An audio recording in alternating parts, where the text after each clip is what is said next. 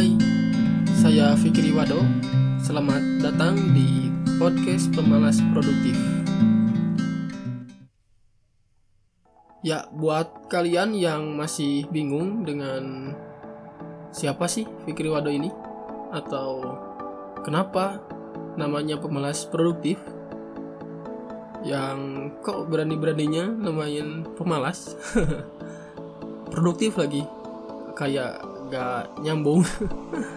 Tenang aja di episode ini bakal saya jelasin kenapa itu saya namain pemalas produktif dan kenapa saya bikin podcast. Kok berani-beraninya gitu ya? Seorang Fikri Wado bikin podcast sih gitu kan? Kenapa? Ada apa? Dan tujuannya apa gitu kan? Baik. Jadi awalnya itu saya eh, di, dibilang introvert nggak tahu juga ya. Soalnya kan e, di sisi lain ya di misal di teman-teman yang kelompok A misal di grup A lah. Saya orang yang aktif. Nah di satu lagi kadang saya pemalu gitu. Saya juga bingung apa saya punya kepribadian ganda atau gimana kan. Takut juga. Nah eh, itu zaman SMK ya saya. Sekarang saya uh, kuliah di salah satu kampus swasta Kota Tasikmalaya. Berisik tuh. Ini di pinggir jalan rumah saya. Uh, kita lanjut. Uh, jadi sekarang saya sudah menjadi mahasiswa dan freelancer juga di bidang web development dan UI UX design. Nah, eh, karena saya pikir eh, kemampuan menyampaikan sesuatu atau berbicara di depan banyak orang ini sangat penting ya. Nah, eh, dengan alasan itu, kemudian saya membuat podcast ini. Jadi saya ingin melancarkan ya bahasa Indonesia saya ini karena uh, saya pribadi masih kaku untuk menggunakan bahasa Indonesia. Seperti yang kalian dengar, ini saya agak ngawur gitu kan. Dan sepertinya gak bakal saya cut. Buat bukti aja, kalau ke depannya saya mungkin akan berubah atau menjadi lebih baik.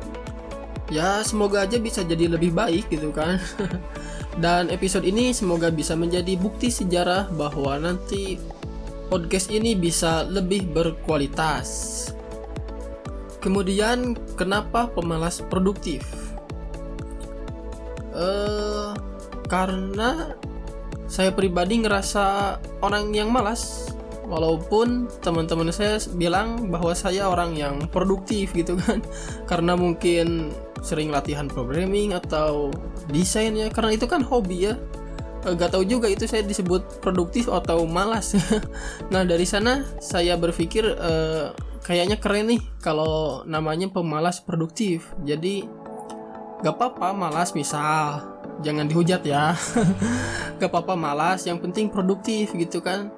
Jadi uh, ada kegiatan-kegiatan uh, yang emang malas juga maklum gitu kan. Tapi untuk sesuatu hal yang mungkin harus dibangun ke masa depan misalnya untuk membangun karir atau yang lainnya. Nah kita harus sebisa mungkin produktif kan? Karena untuk mencapai titik kesuksesan yang kita ekspektasikan itu kan cukup tinggi ya kan? Nah eh, dari sana kan kita harus produktif istilahnya untuk mencapai kesuksesan itu. Jadi apa pun hobi kalian sebaiknya terus perdalam sampai ke titik di mana banyak orang yang sampai bertanya kepada kalian pribadi gitu. Jadi eh, menurut saya ketika kalian ada di titik itu, orang-orang sudah menganggap kalian itu eh, bidangnya lah gitu. Walaupun bukan masternya atau apanya kan, tapi itu bidang kalian sehingga banyak orang yang percaya kalau kalian itu emang eh, profesional di bidang itu Oke, tenang. Saya juga paham kalau menjadi profesional atau menghasilkan uang dari bidang hobi kita ini cukup membutuhkan waktu ya. Kita harus menyisihkan waktu untuk belajar terus dan mengupgrade diri dan juga kita butuh pengalaman dan juga yang paling penting portofolio ya atau bukti dari kemampuan kita portofolio itu yang mana bisa meningkatkan kepercayaan orang-orang terhadap kita pribadi tentunya.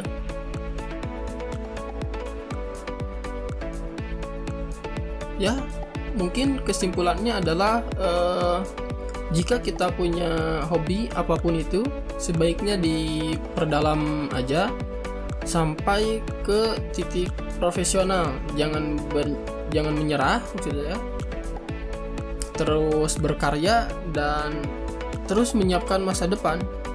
Terima kasih.